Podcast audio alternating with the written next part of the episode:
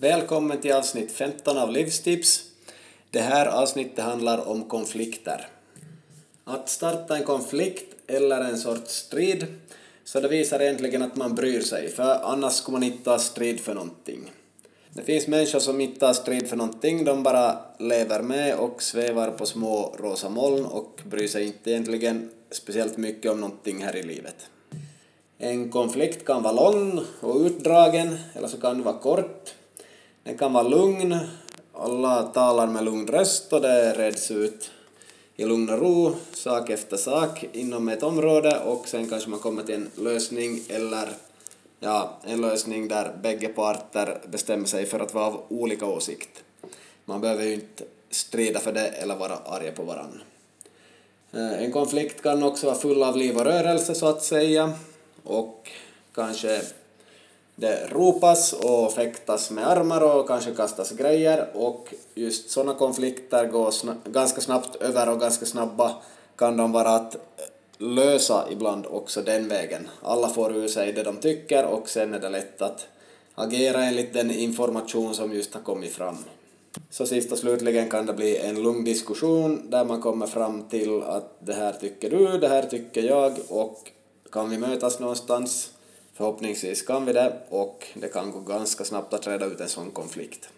Ibland strider man med någon som är i en eh, chefsposition och i så fall så spelar det kanske inte alltid så stor roll i slutändan vem som har rätt eller fel. Det är kanske chefen som behöver bestämma och chefen kanske har mer erfarenhet inom det område man strider om och förhoppningsvis också mer kunskap inom det området.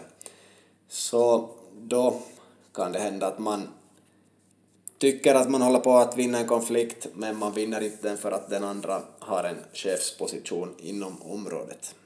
Vad som är bäst beror på från fall till fall. Eh, trots att jag läser och studerar mycket psykologi, speciellt inom idrottsvärlden, så är jag ändå långt ifrån att vara en psykolog. Eh, själv ser jag på det mesta som fysiskt. Hjärnan är i kroppen och tankarna sker i kroppen, de är fysiska. Eh, mitt sätt är att lägga fram saker och ting på bordet, även om det tar lite ont att säga det just då, eller kommer att skapa en konflikt som kan vara utdragen och helt enkelt tar jättemycket energi.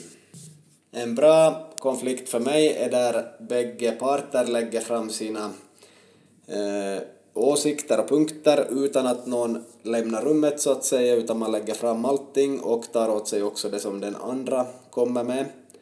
Sen kan det vara utdraget eller gå snabbt.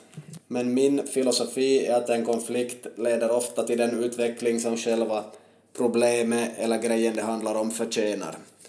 Och ibland är det ett dåligt slut på själva grejen, men ofta kommer man kanske till en ganska bra punkt där alla parter är nöjda. Man kanske kan vara nöjd till 80% och sista 20% så accepterar man, för man kan inte få allting. Om du sitter fast i en konflikt så se till att du och den andra parten skriver ner på papper det som sägs, för då blir det väldigt mycket tydligare det som händer och sker. Och eh, då kan man tydligt se vad båda parter tycker. Sen är frågan om man kan mötas någonstans eller inte. Och hur ska man fortsätta framåt? Det kommer man antagligen fram till i det skedet. Tack för att du lyssnade på det här avsnittet och hoppas att du vågar ta konflikter med dina nära och kära och också de som du träffar i olika jobbsituationer eller i fritidssituationer. Genom konflikter skapar vi utveckling. Inga konflikter, ingen utveckling. Och slutligen, kom ihåg att skriva ner på en lapp det som är viktigt.